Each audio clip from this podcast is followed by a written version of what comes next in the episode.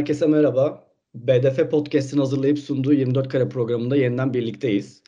Ee, bugün e, Marvel filmleri üzerinden aslında bir sinemanın gidişatını e, konuşalım dedik. E, bunun da bir aslında sebebi var. Yakın dönemde Coppola GQ dergisine bir röportaj verdi. Bu aslında Martin Scorsese ile birlikte gündeme gelen bu konu aslında Marvel filmleri sinema mıdır? Sinemaya ihanet midir?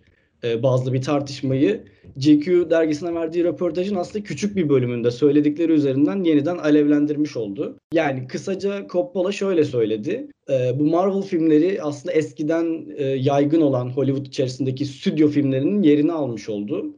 Ve bu maalesef hani sinema açısından e, sadece bir prototip teşkil eden ve sürekli aynı formül üzerinden yeniden e, yeniden üretilip benzer sonuçları almayı e, hani garantici bir şekilde önceleyen bir sinema formu yarattı dedi kabaca. 2019'a dönersek aslında Scorsese bunu bir kısa bir makaleyle gündeme taşımıştı.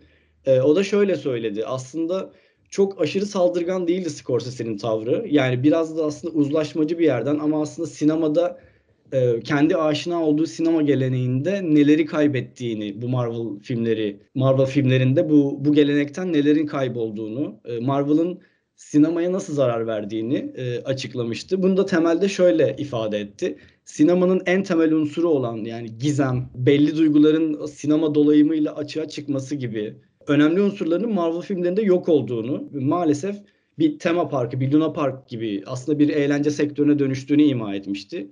Aslında Coppola da o zaman Scorsese'ye katılmıştı. Hatta biraz sert çıkışmıştı. Coppola az bile söylemiş Marvel hakkında demişti. Ee, şimdi tekrar e, yani neredeyse 3 yıl sonra e, Coppola bunu tekrar alevlendirdi. Biz de bugün e, Hürrem ve e, Salih'le birlikte aslında Marvel üzerinden yani bu gerçekten bir tehlike mi? Sinema nereye gidiyor? Yani her anlamda hem salon anlamında, sinema endüstrisi anlamında e, biraz bunun üzerine kafa yormaya çalışacağız. E, merhaba arkadaşlar. Merhaba. Merhaba. E, şimdi bu kısa girizgahtan sonra e, sözü size şöyle bırakacağım aslında. Yani sinema üzerine çok fazla yaygara koparılıyor. Yani sinemaya biz nasıl anlamlar atfediyoruz? Bence bununla çok alakalı bir şey. Çünkü ya Scorsese de şöyle demişti. Ben aslında bu jenerasyonun içine doğsaydım belki de bu filmleri sevecektim. Ama aşina olduğum e, sinema yapma biçimine bunun taban tabana zıt olduğunu söylüyorum e, demişti. Aslında siz sinemayı nasıl görüyorsunuz? Yani sinema nedir gibi çok genel bir soruyu çerçevelemek mümkün mü? Sinema denince siz ne anlıyorsunuz? Bunu yani birazdan bu meseleyi açarak Marvel ekseninde e, anlamaya çalışacağız. İstersen Hürrem senle başlayalım yani. Sence sinema nedir? Hani bunu daraltmak mümkün müdür? Sinema nedir? Daraltmak mümkün değil bence bunu. Ya da şöyle söyleyeyim. Bence çok göreceli bir kavram sinema. Ya belli standartları var ama ben sinemanın biraz daha hissettirdikleri tarafındayım açıkçası. Ben biraz olaya öyle bakıyorum. Sinemada bir kişinin ne bulup bulmadığıyla alakalı bence bu yorum. Ben biraz da hani şöyle söyleyeyim. İlk bundan 10 yıl önce sinemayı kendimce şöyle bir yorum katmıştım. Sinema bence dertleri unutturan bir tarafı var sinemanın. Belki film izlemenin. Tabii işi çok teknik teknik olarak değerlendirmeden böyle söylemek istiyorum ben. Bence her şey belli standartta oturtmak mümkün değildir. Bu bir, bir dakikalık ya da iki dakikalık veya iki saatlik bir görselde, bir videoda izleyicinin ne bulup bulmadığıyla alakalıdır bu durum diye düşünüyorum ben. Yani yarım dakika içerisinde yarım dakika bir yarım dakikalık bir video bir sinema seyircisi için belki hayatında izlediği en iyi film olabilir. Hı hı. Kısa film olabilir. Ama mesela 5-6 saatlik filmler de var. Çok popüler, meşhur filmler de var. Sanat filmleri de var. Onlar da bazı kişiler için sanat değeri yüksek filmler olabilir. Bu yüzden ben bunun ucunun çok açık olduğunu düşünüyorum. Teknik olarak tabii belli kıstasları var. Ee, ama böyle değerlendirilmemesi gerektiğini de düşünüyorum. Ben olayı biraz daha duygusal taraftan bakan sinema seyircisiyim diye kendimi kategoriye sokmak istiyorum açıkçası. Hı hı o şekilde topu sahile atayım. Ee, ben biraz daha kolektif bir form olarak bakıyorum açıkçası. Hani onun üretilmesini sağlayan herkesin vizyonunu ekran veya perde veya başka dijital ortamlara imajlar yoluyla yansımasını sağlayan bir form bence sinema hani e, baktığımızda. O yüzden hani çerçevesinin çok geniş olduğunu düşünüyorum. Ve artık hani ilk zamanlarında daha yeni bir sanat dalıyken kendi meşruiyetini kanıtlamak amacıyla daha edebiyata veya tiyatronun bazı dallarına yaslanmaya çalıştığı için daha metinsel ağırlıklı, daha teatral işler izliyorduk ama zamanla artık sinemanın kendisini de artık bir sanat formu olarak çok güçlü bir noktaya yerleştirmesiyle beraber bence hani e, dar kalıplardan ziyade gerçekten geniş bakış açılarıyla yaklaşıp sinema nedir'i belki sormamak bile gerekiyor açıkçası. Ya şimdi aslında bu tartışmanın da şöyle bir iki boyutu var bence. Ee, yani ben en azından böyle filtreleyebiliyorum kendi adıma. Birincisi bu ya Marvel sinemayı öldürüyor mu tartışması sinemanın içeriğine yönelik bir tartışma. Ee, bir de aslında Scorsese'nin de dile getirdiği şöyle bir durum var.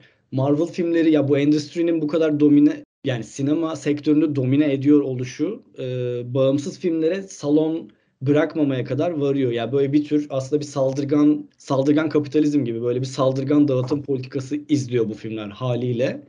Dolayısıyla bağımsız filmlerin salon bulamama tehlikesi yani görünürde var.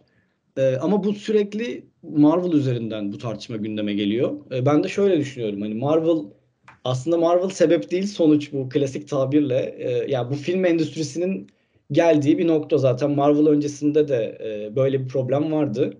E, hatta Coppola da şöyle söylüyor. Yani e, bu bu filmler sadece Marvel olmak zorunda değil. Yani Dune veya No Time to Die geçtiğimiz yıl çıkan iki büyük bütçeli filmin de aslında benzer işlev gördüğünü, yine benzer formüllerle e, seyirciyi tatmin etme algısına yönelik olarak üretildiğini, dolayısıyla da bunu salon tartışmasıyla da bağlayabiliriz. Bu filmler daha çok e, salon görüyor.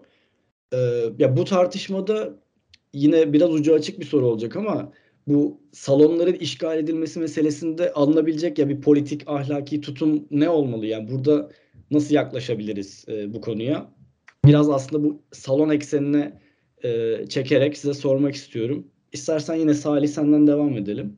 Tabii ki de şimdi Marvel filmleri ekseninde düşündüğümüz zaman çizgi romandan da gelen bir e, arkasında kitle, oluşturduğu bir kitle var, bir birikim var. Ve e, bunlar üzerine oluşturduğu bir merak unsuru var. Yani Marvel'ın belki de en önemli hususu filmlerin içerisinde serpiştirdiği işte göndermeler, e, merak, diğer filmlere dair e, merak uyandıracak küçük detaylar, insanların görmek istediklerini, fan servis denen hususlar ekleyip eklemedikleri vesaire. Ve hani yani sinematik bir yapıdan ziyade daha çok teknoloji firması e, gibi düşünüyorum ben Marvel'ı. Hani bugün bir çıkıp Elon Musk bir ürün tanıtımı yapıyorsa hani çıkıp Kevin Feige de aslında çıkıp filmlerini tanıtıyor.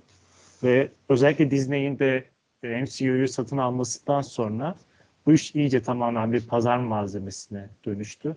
E, sinema elbette şu anki kapitalist düzen içerisinde asla bağımsız olamayacak bir yapı. Mutlaka çeşitli bağımlı kriterler üzerinden işlemesi gerekiyor. Ama her zaman bu kar odağı, kar odağından bahsediyorsak eğer e, sektörde bir kişi bunu daha çok elde edecektir. Ve bugün bu Marvel'dır ama yarın başka biri olur.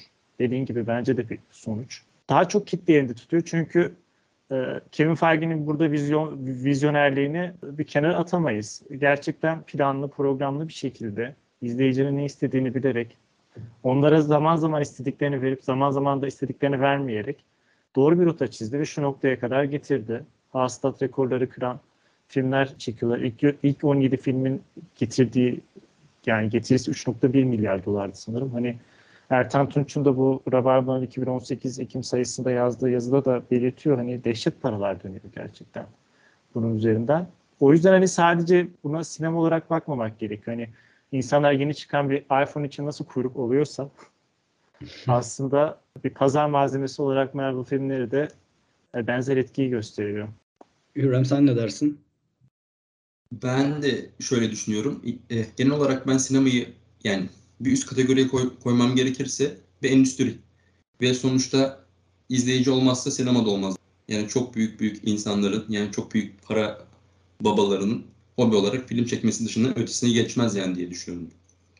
Hı-hı. Bu yüzden de şu anda izleyici neyi talep ediyorsa talep meselesi. İzleyici neyi talep ediyorsa bence karşılığında da bunu veriyorlar. Marvel yani izleyicinin talep ettiği ya şu anda büyük ihtimal sinemaya giden yaş grubu tam Marvel'ın yaş grubu diye tahmin ediyorum. En fazla sinemaya giden yaş grubunun o olduğunu tahmin ediyorum. O yaş grubunun talep ettiği bazı şeyler var. Bunda Marvel bence Salih de çok güzel açıkladı. Doğru bir vizyonla takır takır her bölüm, her birbirinden bağımsız üçlemeyle aslında bağımlı hale getirerek çok güzel başardı.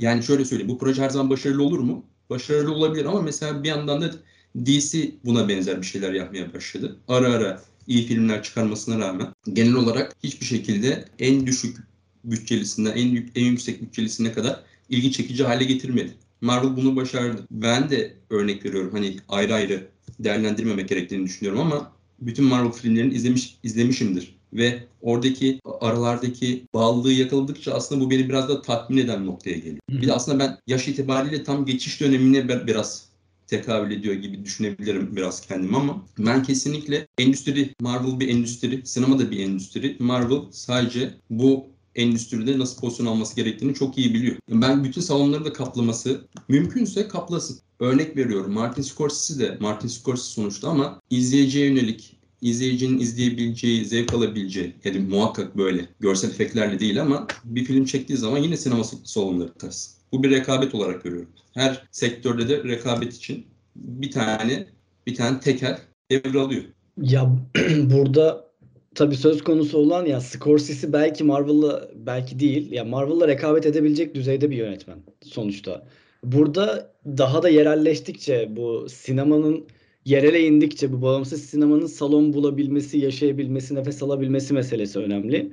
Ya burada işte ben de çok arada kalıyorum. Yani o konuda ne düşünürsünüz bilmiyorum. Ya bağımsız filmler için sanki salonlarda bir kota olmalı ve ya ko- biraz korumacı bir yerden, biraz devletçi bir bakışla söylüyorum tabii ki bunu. Diğer türlü e, bu full serbestinin de yani işte İstanbul'da ya Adana'da film üreten bir genç sinemacının salon bulma ihtimali nasıl olacak bu bu denklem içerisinde? Buna yönelik ne düşünüyorsunuz? Salih ne dersin mesela buna? Bu arada e, biraz önceki söylediğim mal, ma- rakamlar üzerinde bir düzeltme yapayım. Veya bahsettiğim şey maliyetti. Getirisi 10.6 milyarın üzerindeymiş. Yanlış söylemişim. Ona bir tekrar baktım da.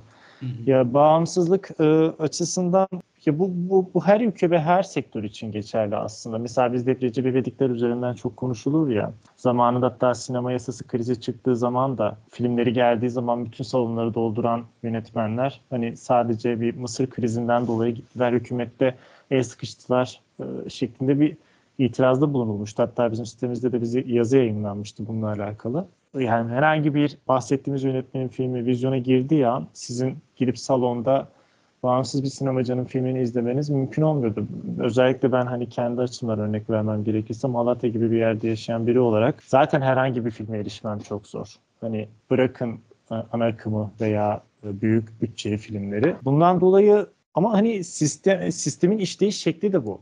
Sistem hiçbir zaman talebin daha az olacağı ve izleyicinin çok da koşarak yaklaşmayacağı bir şey onlara vermek istemez. Her zaman daha büyük beklenti yaratacağı ve daha büyük kar elde edeceği hususlar üzerinden işlemek ister. Yani bir e, sizin kolanızı ve mısırınızı satıp çok büyük bir coşkuyla Infinity War izletebileceğiniz bir kitleniz varken alıp kimseyi 11 saatlik bir Lavdiyas filmine sokmak istemezsiniz. hani veya hani Doğru. daha daha avantgard sularda gezen bir yönetmenin e, işlerine sokmak istemezsin. Öner, yani o yüzden bence şeyden de kop gerekiyor. Hani elbette büyük yönetmenler açıklamalar yapar, büyük isimler açıklamalar yapar.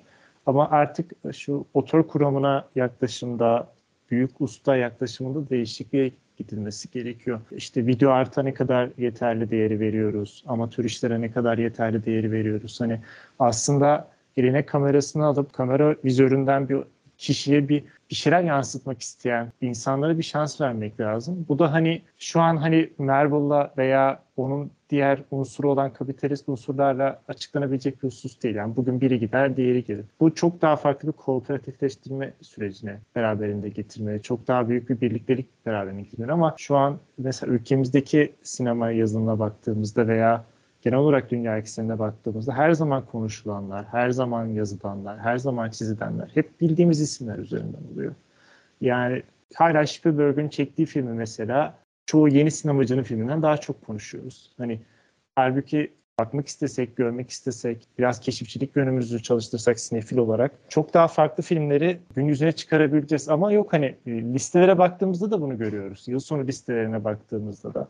Aslında birbirinden çok farklı olmuyorlar ortalaması alınır özellikle. Münferit listelerde farklılıklar olabiliyor ama genel listelere baktığımızda sinema sitelerinin yaptığı bazıları haricinde daha e, farklı noktalardan yaklaşanlar haricinde genel olarak hep aynı isimler, aynı filmler. Yani bir sinefil kitle veya sinema üzerine yazıp çizen kitle zaten hep aynı eksen etrafında döndüğü sürece sizin büyük bir kitleyi alıp da neden buraya gidiyorlar diye eleştirmeniz ne kadar doğru oluyor bilmiyorum. Ya ben ben de katılıyorum. Hatta böyle söylediklerin arasından destekleyecek bir şey söyleyeyim kısa. Ee, bir yandan da böyle komik. Ee, senin Malatya örneğinden hareketle aklıma geldi. Bir kere Hatay'dayken böyle bir boş vaktim vardı uçağa kadar bir 5-6 saat sinemaya gideyim dedim tek başıma. İşte Hatay'da bir AVM'de AVM'den başka bir şans yok zaten. Yani şöyle hani bırakın bağımsız filmlere alan açmayı ben Hatay'da orijinal dilinde film bulamamıştım AVM'de. Ya çok çarpıcı bir şey aslında bu. Yani belli ki hani böyle bir talep oluşuyor. Ya biz İstanbul'un dışından bakınca bambaşka bir gerçeklik her zaman var ya. Yani bütün filmler Türkçe dublajlı ve ben böyle bu kadar dublaj sektörünün geliştiğini de düşünmüyordum açıkçası. Böyle biraz o benim bir kör tarafımdı yani. Sonuçta Hatay'da AVM'de bir film görmek istediğinizde bu büyük ihtimalle büyük kitlere hitap eden ve mümkünse de daha ana dilinde çevirisi yapılmış filmler e, oluyor. Bu kısım hakikaten ilginç aslında. Yani Hürrem sen bir şey söylemek ister misin? Ben şöyle söyleyeyim. Sen Hatay örneği verdin. Salih de az, az çok İzmir'i tanıyor, biliyor. Eşref Paşa'yı belki biliyorsundur, bilmiyorsun, bilmiyorum. Orada İzmir Park diye bir AVM var. İzmir Park'a hiçbir zaman orijinal dilinde filmler gelmiyor. Ve yani şöyle söyleyeyim, İzmir Park'tan yaklaşık 3-4 4 kilometre aşağısı kordon. Yani 5 kilometre aşağısı kordon, Alsancak. Hı hı. Gayet de orada da yani az çok biliyorsunuzdur belki o mekanları. Hiçbir şekilde orada orijinal dilinde filmler geliyorken biraz da yani şöyle söyleyeyim il bazında örnek verdin sen. Ben arada 5-6 kilometrelik bir farkta yani oradaki kitle için ne uygunsa ne o sektör ona göre şekilleniyor. Orijinal dilinde filmler ya da hiçbir şekilde sanat filmi gelmez. Çok çok çok nadirdir. Hatta bütün yerli filmlerin hepsi gelir. Öyle söyleyeyim. Yani komedi, çakallarla dans, sallıyorum Recep İvedik. O, o grubun hepsi gelir ama hiçbir şekilde diğer grup gelmez. Senin konuşmanın başında söylediğin, sorduğun soruya döneyim ben. Ben biraz şu noktada biraz daha katı düşünüyorum açıkçası her filme şans vermeliyiz muhakkak ama bence bunun da bir standart prosedür olması lazım diye düşünüyorum. Her çekilen şey de biraz şöyle söyleyeyim. X yerde yani sallıyorum Ankara'da kırsalda bir film çekmiş biri filmini yayınlatmak için daha büyük para vermek zorundadır. Anlatabiliyor muyum? Yani daha büyük para vermeli midir? Bence soru bu.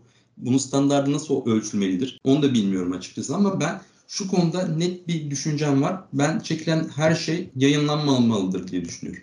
Bayağı radikal bir görüş. Ya şundan ötürü, şundan ötürü ya tabii sonuçta bu bir endüstri ise endüstriyi, endüstriyi yani sinema bir endüstri, endüstriyi hayat, ayakta tutmak için sonuçta bir ticaret yapmak zorundasın diye düşünüyorum. Ve bunun için bazı kararlar almak zorundasın. Tabii son 10-15 yıla baktığın zaman Türkiye'den çıkan yönetmen sayısı, yeni yönetmen sayısı hatırladığım direkt sayabileceğim 4-5 kişi falandır diye tahmin ediyorum.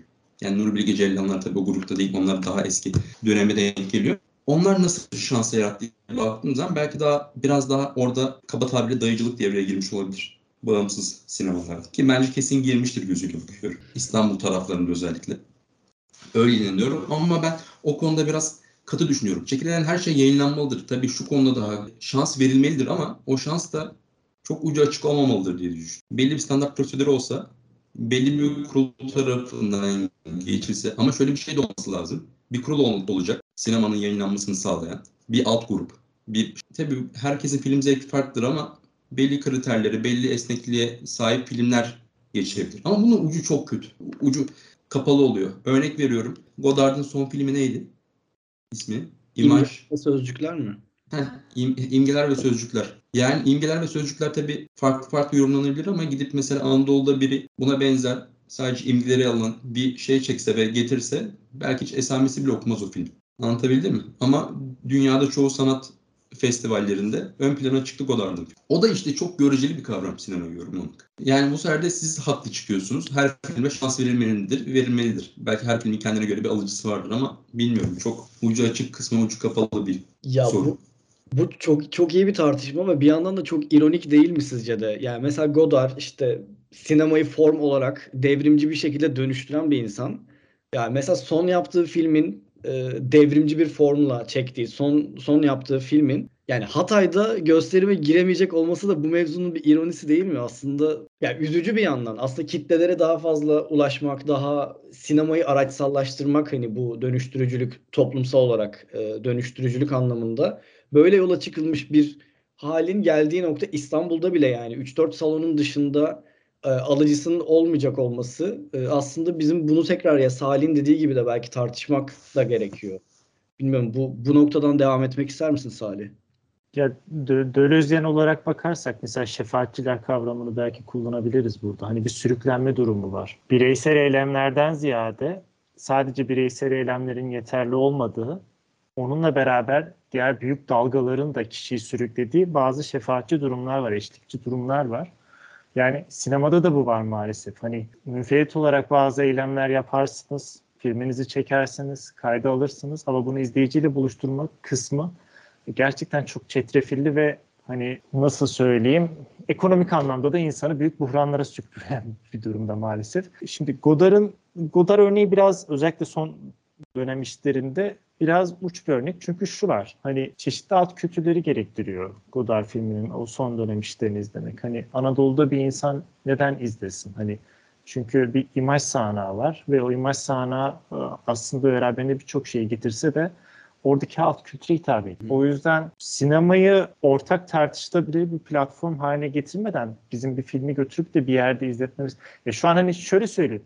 Hani bırakın Malatya'daki herhangi bir sinemada e, bu filmi vizyona sokmayı ne bileyim buradaki üniversitenin sinema kulübünde soksanız da çok farklı tepkiler alacağınızı sanmıyorum.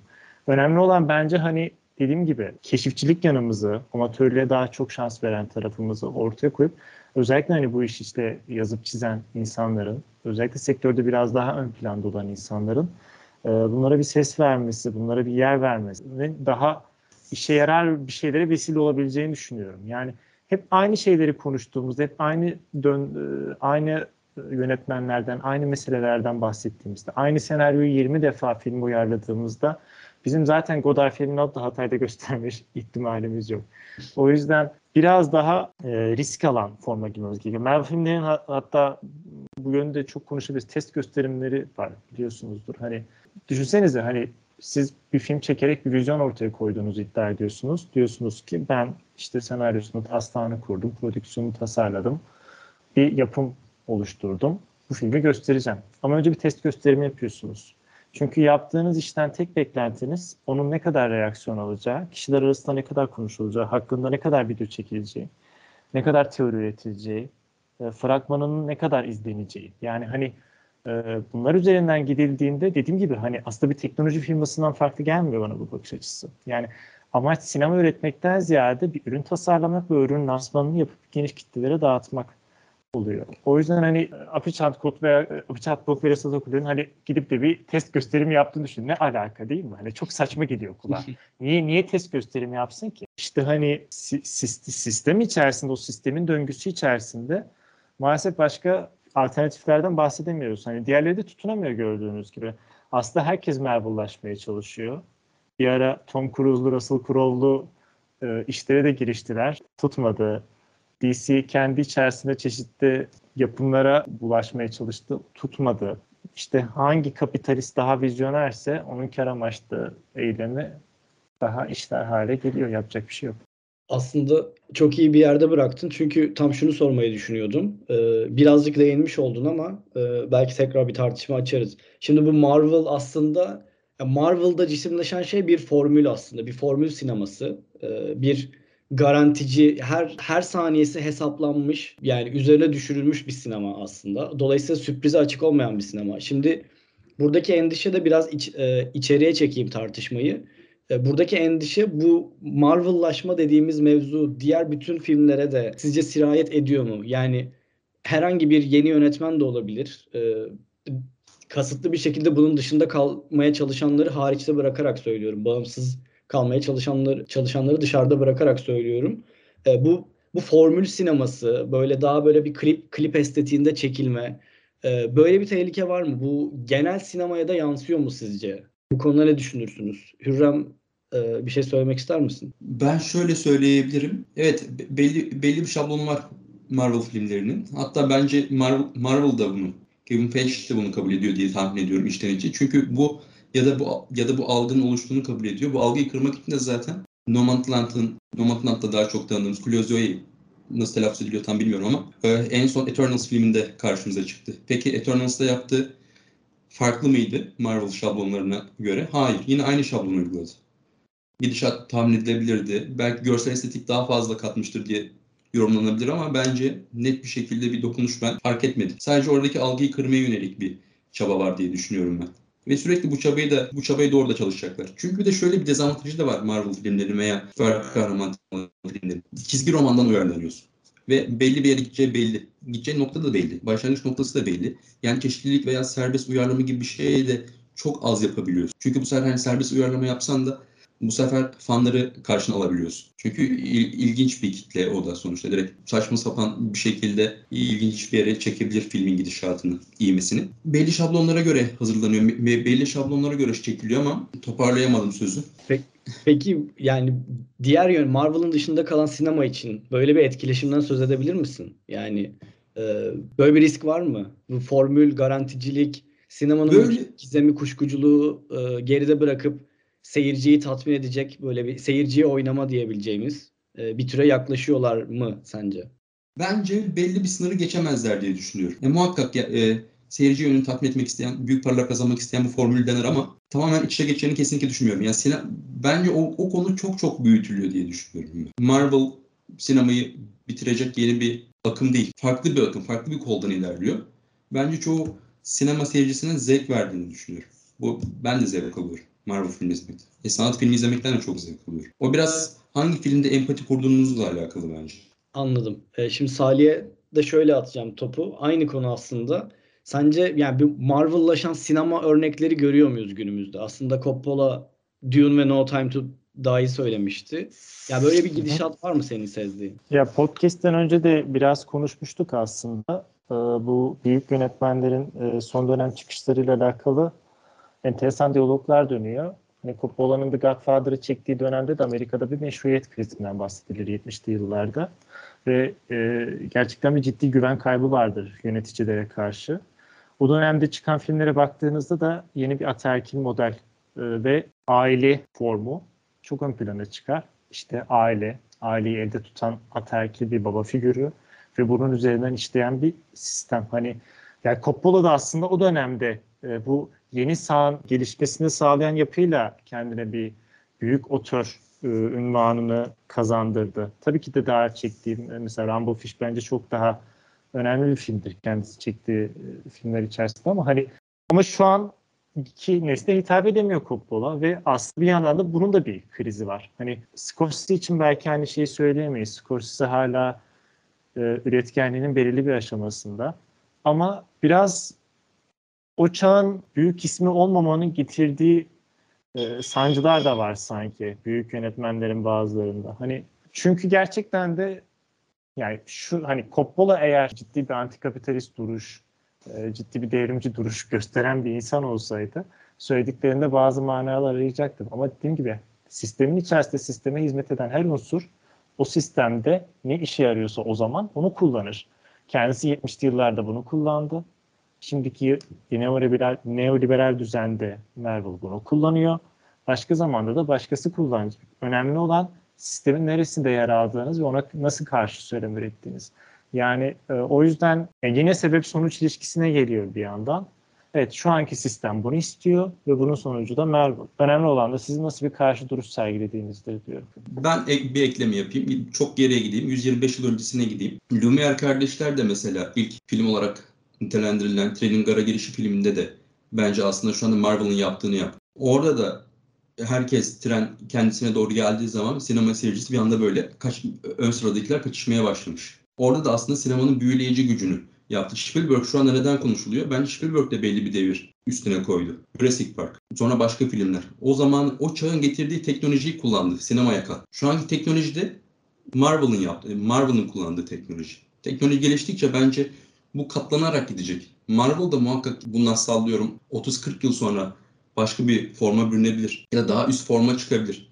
Veya en geriye bu, bu tip görsel şölenlerden sıkılıp tamamen sanat filme dönmek isteyebilir seyirci. Böyle bir şey de mümkün ama ben 125 yıl önce Lumière kardeşlerin yaptığı tabii bu biçim olarak kıyaslamak saçma ama seyircide yansıttığı bence buydu. Yani 125 yıl önce Lumière kardeşler ne yaptıysa şu anda da Marvel bence seyirci üzerinde bunu yapıyor. Çağın gerektirdikleri neyse budur diye düşünüyorum. Salih'in dediği gibi Coppola da zamanında bu şekilde ön plana çıktı. Spielberg'de zamanında bu şekilde ön plana çıktı. Marvel'da bu devirde bu devirde bu şekilde ön plana çıkıyor. Ya bence de şöyle söyleyeyim. Zaten sadece Marvel'dan bahsetmek bana biraz bir hedef hedef şaşırtmak gibi de geliyor. Yani e, sürekli bu ya Coppola, Scorsese ya zaman zaman Marvel üzerinden tartıştırıp ya kendilerini sanki o endüstri için aslında bunlar da büyük balıklar yani. Kendi konumlarının da biraz unutturucu bir etkisi var bana göre. Yani sonuçta bu maalesef bu hiyerarşik sistem göreceli olarak katmanlanıyor. Yani Scorsese de eğer bir bağımsız sinema gibi bir şeyden bahsediyorsak ki artık Scorsese Netflix'le beraber yani çok bağımsız sinema yapıyor denmez herhalde. Yani en azından buna bir karşı e, böyle tek başına savaşıyormuş gibi e, düşünmek çok doğru olmaz bu bütün e, son dönemdeki gelişmelerle beraber. Bu bir boyutu. E, bir de bir diğer boyutu bunun aslında şimdi biraz şuraya doğru çekmek istiyorum. Bu Marvel filmlerini salonda izlemek. Şimdi salon tartışmasını, salonları işgal ettiklerini zaten ya hepimiz biliyoruz. Bunun karşı durmak da çok zor. Ama burada biraz niyetimiz de şeydi. Marvel filmlerinin salon deneyimleri üzerine. Ee, özellikle ben çok Marvel filmini sinemada izleyen biri değilim. Son dönemde böyle kendi aramızda da ufak bir tartışma başlamış oldu. Ben Spider-Man'i e, sinemada izledim. Çok yabancı olduğum bir evren e, ve açıkçası şundan büyülendim. E, Marvel e, seyircisinin o bizim sürekli bağımsız sinemacıların ya da sinefillerin o sal- sinema salonundaki kolektif duygudaşlık diye kutsadıkları e, şeyi Marvel filmleri birebir yapıyor ve ben buna şok geçirdim açıkçası. Sonra ortaya çıktı ki bu zaten çok aşina, herkesin aşina olduğu bir şeymiş. Bana çok yabancı geldiği için ben şok geçirmişim.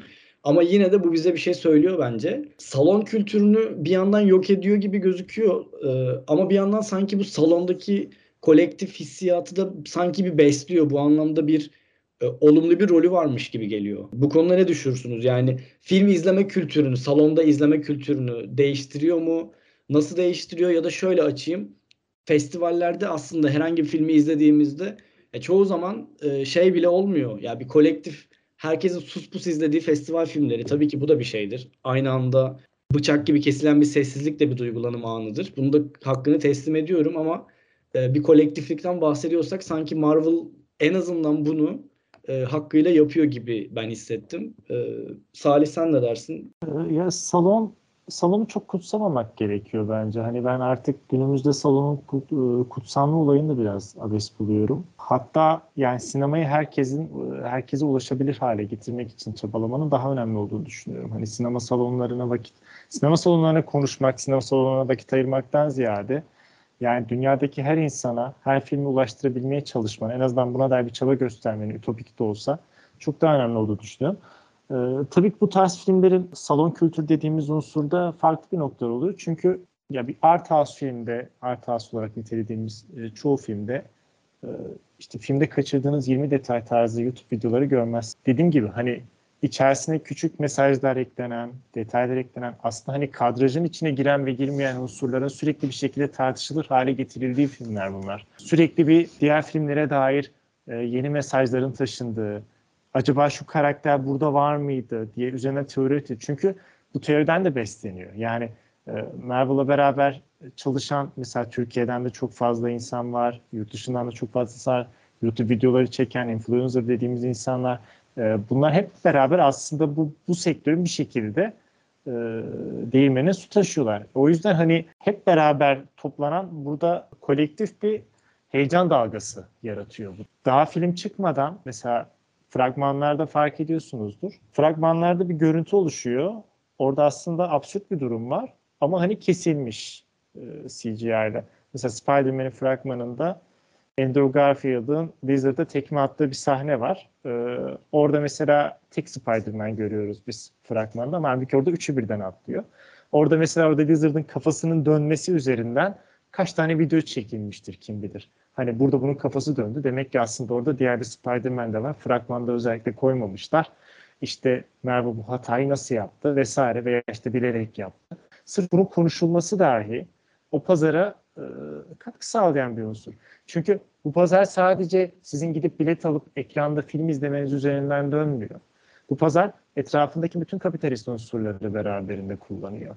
YouTube'u kullanıyor, sosyal medyanın diğer platformlarını kullanıyor ve bunlarla beraber işliyor.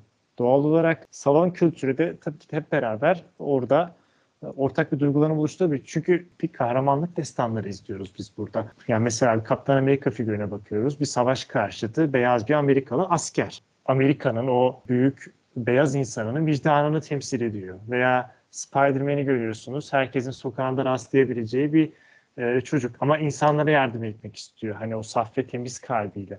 O yüzden hani insanların bunu bunu gerçekleştiren birini epik bir şekilde görmesi tabii ki de heyecanlandırır. Yani dediğim gibi bunu herhangi bir art house filmde yakalamanız çok zor. Zaten art house filmlerin amacının da bu olduğunu düşünmüyorum açıkçası. Hani ba- bazen izleyicinin ayağını yere bastırmak, bazı gerçeklerle yüzleştirmek, canını sıkmak, çok da böyle ortaklaşa büyük huşu içerisinde veya ne bileyim böyle hani büyük zevk içerisinde izleyebileceğiniz anlara vesile olmuyor. O yüzden dediğim gibi yani bunu bunu tek bir noktadan bakmamak gerekiyor önce. Salon tabii ki de önemli ama iş salondan çok daha farklı noktalarda diye düşünüyorum. Hürrem sen ne dersin? Yani bundan bir yıl, iki yıl önce Twitter'da genelde şöyle bir muhabbet dönüyordu. İşte sinema de film izleme kültürüyle alakalı. Yok herkes sinemada yaşadığı tecrübeyi ara ara bahsediyordu. Yok yanındaki mısırı çok sesliyor. Yok yanındaki telefon ışığını sürekli açıyor gibi muhabbetler dönüyordu. Şimdi açıkçası Marvel'da veya bu tip epik destanlarda bir başarı varsa kolektif bu bilinci yaratmaktır diye düşünüyorum. 17 film var. Sıfırdan başlayıp tek tek üstüne inşa ediyor. Ama herkesin de bir şekilde o salona girenleri yani o filmi izliyorsa çoğu kişi aynı duyguyu neredeyse yakalıyor. Art house filmlerde bu mümkün değil. Belki art house filmlerde de aynı şey olabilir ama art house filmlerde biraz daha empati kurabildiğiniz, biraz daha kendinizden bir şey yakalayabildiğiniz filmlerde aynı duyguyu hissedebilirsiniz diye düşünüyorum. Marvel filmlerinde genelde aynı duyguya hitap ettiği için o duygu kolektif olarak yakalanabiliyor. Başarı budur. Mesela Kaptan Amerika örneğini verdi Salih. Ben çok eskiden şöyle bir arkadaşından, Amerika'daki arkadaşından şöyle bir hikaye biliyorum. E, ilk Avengers çıktığı zamanlarda Kaptan Amerika çıktığı zaman herkes tezahüratlar şeklinde Amerika'dakiler eşlik edermiş. Ama diğer süper kahramanlar aynı muameleyi yapmazlarmış. Anlatabildim mi? Burada da ayrı bir kolektif bilinç oluşuyor. Ama bu kolektif bilinci oluşturmak bence çok önemli. E mesela ben sinemada art house film izlerken yanımdakinin telefon ışığından rahatsız olabilirim. Ama örnek veriyorum Kaptan Amerika Mjolnir'i kaldırdığı zaman ben de toplu bir şekilde o akıma kapılanlardanım açık. Bence bunu başarması büyük bir olay diye düşünüyorum. O kolektif bilinç kolay kolay yaratılmaz. Ve sinema o, o, o, o film için o sinemaya giren herkes de bu kolektif bilinç oluşarak giriliyor. Ki düşünün yani bu da öyle bir endüstriye gidiyor ki Endgame'de olması lazımdı. Farklı farklı 2-3 tane fragman çekildi diye. Yani filmde hiç olmayan bir şeyin fragmanı çekiliyor. Bunun için de bir emek harcanıyor.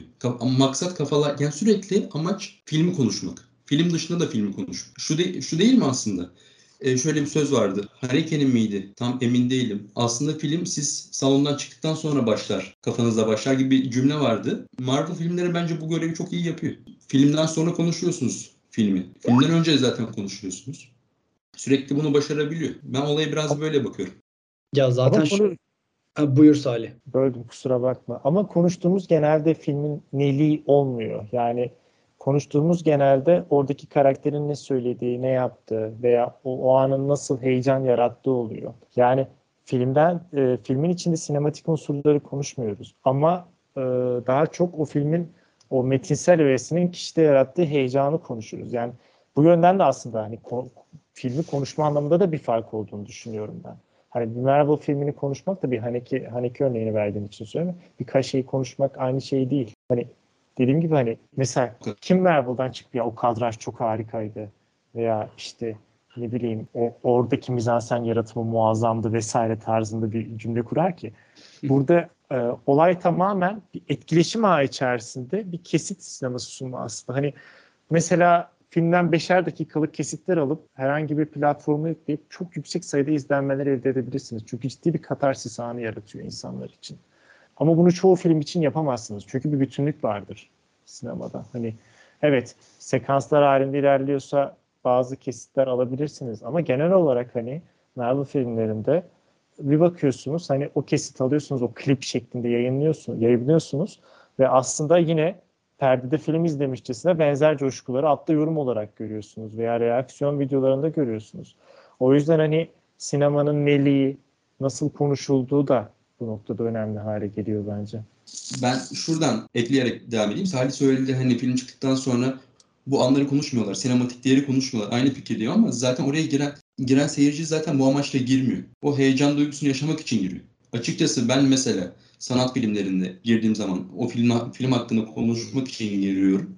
O kolektif bilince ortak olmak amacıyla gidiyorum. Yoksa İşte yani o- o sahneyi konuşmuşum, bu sahneyi konuşmuşum gibi bir şey yok. E tabi buradan şu çıkarım da olabilir. Bu sefer konuşmanın en başına dönüyoruz gibi oluyor. Si- sinematik herhangi bir değeri var mı? İşte bu da kişiye göre çok bence çok ucu açık bir noktaya gidiyor. Sinematik bir değeri var mı? Belki bundan şöyle söyleyeceğim. Çağ öyle bir şekilde ilerleyecek ki 60-70 yıl sonra Marvel sinema alanının en filmler arasına girebilecek. Bilemeyiz. Çağ, çağ o zaman neyi gerektirdi, çağın nasıl ilerlediğini bilemeyiz. Çünkü sinema çok farklı bir noktaya gidebilir. Yani şu anda mesela 70 yaşında film izlediğinizi düşünün. 70 yaşındaki yani vizyona giren filmler Marvel'ın daha üst modelleri. Şu anki Marvel'ın Marvel konusunda yakındığımız bütün özelliklerin en top noktaları o filmlerde var. E bir anda zaten şu anki Marvel'lar 2000 model Marvel'lar daha kötüleşebilir. Sinema çok farklı bir noktaya da gidebilir.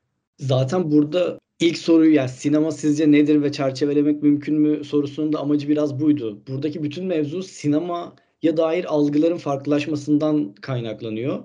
Yani işte yine Scorsese'ye dönersek buradaki en temel e, eksiklik işte bu Marvel'daki yani bir muğlaklık duygusunun, muğlaklık ifadesinin yoksunluğu. Yani ben de işte Spider-Man'den çıktığımda şunu konuşmuyorsun. Yani şu sahnede şöyle hissettim, şu sahne bence böyle anlamlara geliyor gibi bir şey konuşmuyorsun. Her şey çizilmiş ve çizilen bir şeyin e, oynandığını görüyorsun.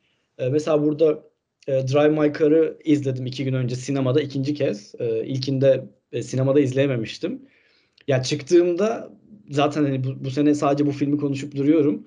Bambaşka şeyler keşfettim. Yani o kadar çok alan açıyor ki sana üzerine düşünmeye. Yani burada bu vardı ama burada bambaşka bir duyguyu ifade ediyordu vesaire gibi. Yani işte sinemadan beklentinin ne olduğununla alakalı bütün bu tartışma aslında. Ee, o yüzden de sanki sürüp gidecek gibi geliyor. Salih sen bir şey diyecektin galiba. Sana bırakayım. Ya size aslında düşünme boşluğu bırakmıyor. Tamamen bir ideolojik bombardımana maruz bırakıyor sizi.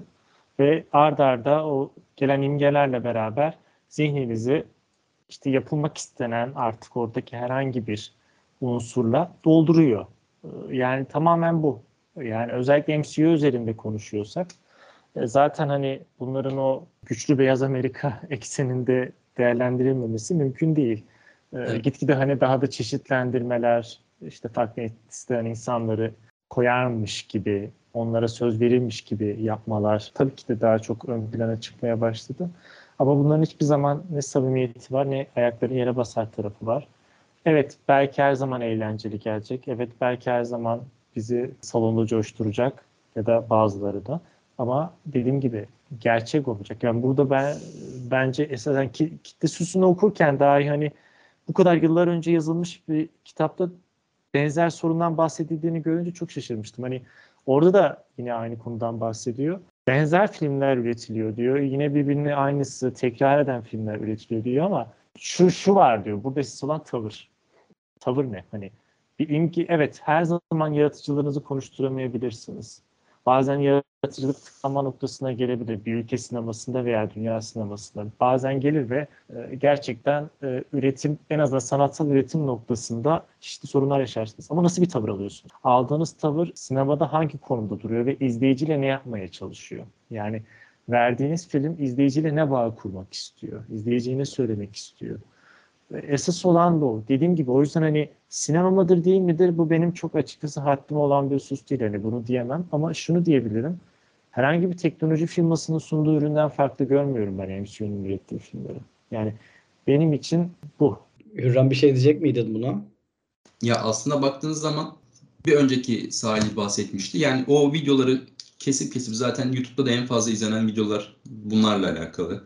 Kaptan Amerika işte mücevherleri kaldırdı. Yok I am Iron Man. Bunlar zaten sürekli dönen şeyler. Aslında baktığınız zaman klip formatında.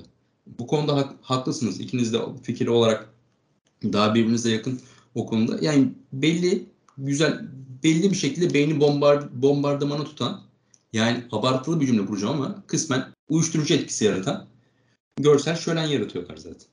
Yani beynin istediği şeyi veriyorlar ona. Biz normalde art house filmlerde kendimizden bir şeyler bulabiliriz. Süper kahraman filmlerinde kendimizde bir şey bulmayız. Belki bulmak isteriz. Bu yüzden daha fazla ilgi çekici hale geliyor diye düşünüyorum ben süper kahraman filmleri. Örneğin sen Drive My Car örneğini verdin. Oradan izlediği zaman biraz spoiler vereyim. Yani eşini kaybetmiş, biraz sanatla ilgilenen bir adam o filmden çok derin yara, yara alarak çıkabilir. Başka bir örnek vereyim.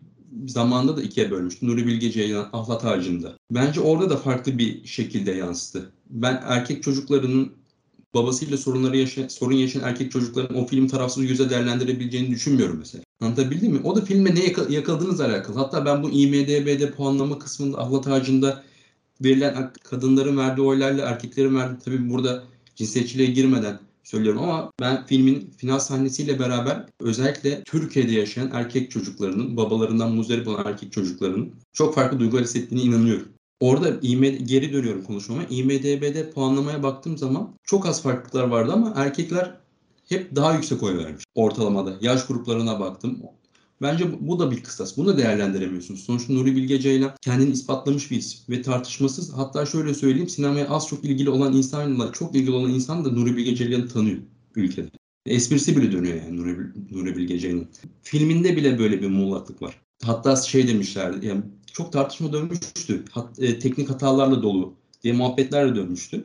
Ama ben hiç o kısma takılmadım. Direkt duygusuna bakmıştım Mahlat Ağacı'nda da. İşte bu e, aslında sinema nedir kesinlikle tanımlayamayız. Bir de sinemaya hangi açıdan baktığımızda çok alakalı bu. Kişiden kişiye çok büyük farklı etkiler yaratabiliyor bu. Her filmde Ya, böyle. Zaten şöyle ya senin de dediğin gibi bu bunu artık ya izleyici deneyiminden ayrı düşünmek imkansız yani bu Nuri Bilge filmi içinde ya sen kendinde ne buluyorsun? Ee, ya bu bu senin sinema algını da şekillendiren bir şey. Ee, o sebeple yani ik- ikiniz de ik- ikinize de katılıyorum aslında. Bir de şunu da yani kendi adıma söylemeden geçmeyeyim. İkiniz de bundan bahsettiniz, değindiniz. Ee, bu bir ideolojik bombardıman aslında bu filmler. Ee, yani şöyle de tartışmalar da var ciddi ciddi. Ee, işte bazı filmlerinin Pentagon tarafından fonlandığı yönünde. E, bunu en azından söylemeden geçmeyeyim dedim. Ya bu zaten çok büyük bir tartışma. Hani bu biz bu podcast'te yani e, Marvel filmlerinin e, Amerikan e, askeri endüstriyel kompleksine e, nasıl bir destek attığını da konuşabiliriz de bu çok başka bir tartışma olur. E, biz burada sadece Marvel'ı aslında araçsallaştırarak e, sinemanın neliği ve gidişatı üzerine e, tartışmak istedik. Yoksa yani söylenecek dediğim gibi bir sürü şey var bu konuda da. E, benim sorularım bitti. Sizin eklemek istediğiniz son sözleriniz var mı? Varsa birer tur daha döndürebiliriz. Aslında söylenecek çok şey var ama Part 2, Part 3, Part 3'e, Part 4'e gidebilecek şekilde var. Ondan yani pek de şey yok yani senin dediğin ben şuradan küçük bir şeye bağlayayım. Belki bu sonraki podcast'in konusu bile olabilir. Örneğin Kaptan Amerika mevzusu. Kaptan Amerika bir Amerikan bayrağı figürleriyle donatılmış zırh ve bütün dünyada belli bir sempati topluyor. Ben aynı şekilde belli bu Hollywood'un büyük bir başarısı. Belki başka fon, fonlanmanın da büyük bir başarısı. Kaptan Türkiye yaptığınızı düşünün. Kaptan Britanya'da var gerçi. Kaptan Türkiye yaptığını düşünün ve ben şunu iddia ediyorum ya. Türkiye'de çok milli milli düşüncelere sahip olmayan, nötr olan kişiler Kaptan Amerika'ya sempatiyle bakarken Kaptan Türkiye'ye aşırı milliyetçi gözüyle bakıp görmezlikten gelir. Aynı şekilde servis edilse bile. Yani burada da büyük bir şekilde dediğim, dediğimiz gibi beyni yapılan bir bombardıman, başarılı bir bombardımanın sonucu. ideolojik eserin sonucu bize. Kaptan Amerika zaten üretildiği kusura bakma Burak böldüm. Tamam, Amerika zaten ilk, ilk, ilk çizildiği ve e, yazıldığı zamanlar cephedeki askerlere moral verilmesi amacıyla çok kullanılıyordu. Yani üretim üretiminin temel esaslarından biri de buydu. Yine Süpermen'in ilk çıktığı dönemler İkinci Dünya'nın ay- ayak ses, İkinci Dünya Savaşı'nın e, ayak seslerinin yaklaştığı bir dönemdi. O yüzden hani zaten süper kahraman figürleri her zaman e, beraberinde gelecek bir savaşı da veya içinde bulunulan savaşı da e, bir, bir yandan gösteriyor. Buna çok kısa bir e, ben de ek yapayım. Aslında e, zamanlama olarak da ya Marvel'ın film olarak e, endüstriyel patlaması da 11 Eylül sonrasına tekabül ediyor bir yandan da. Yani orada da aslında tipik bu e, söylenir zaten. Çökmüş bir ulusa moral vermek aslında tekrar bir küllerinden e, doğdurup bir kurtarıcı rolünü geri kazanması e, aslında böyle zamansallıklar, eş zamanlılıklar da var e, bu konuda. Ee, Başka söyleyeceğiniz bir şey yoksa yavaştan kapatıyorum. Ee, Çok keyifli bir tartışma oldu. Ben çok keyif aldım. İkinize de teşekkür ederim. Ben teşekkür ederim. Ben de teşekkür ederim. Bir sonraki podcast'te görüşmek üzere. Hoşçakalın.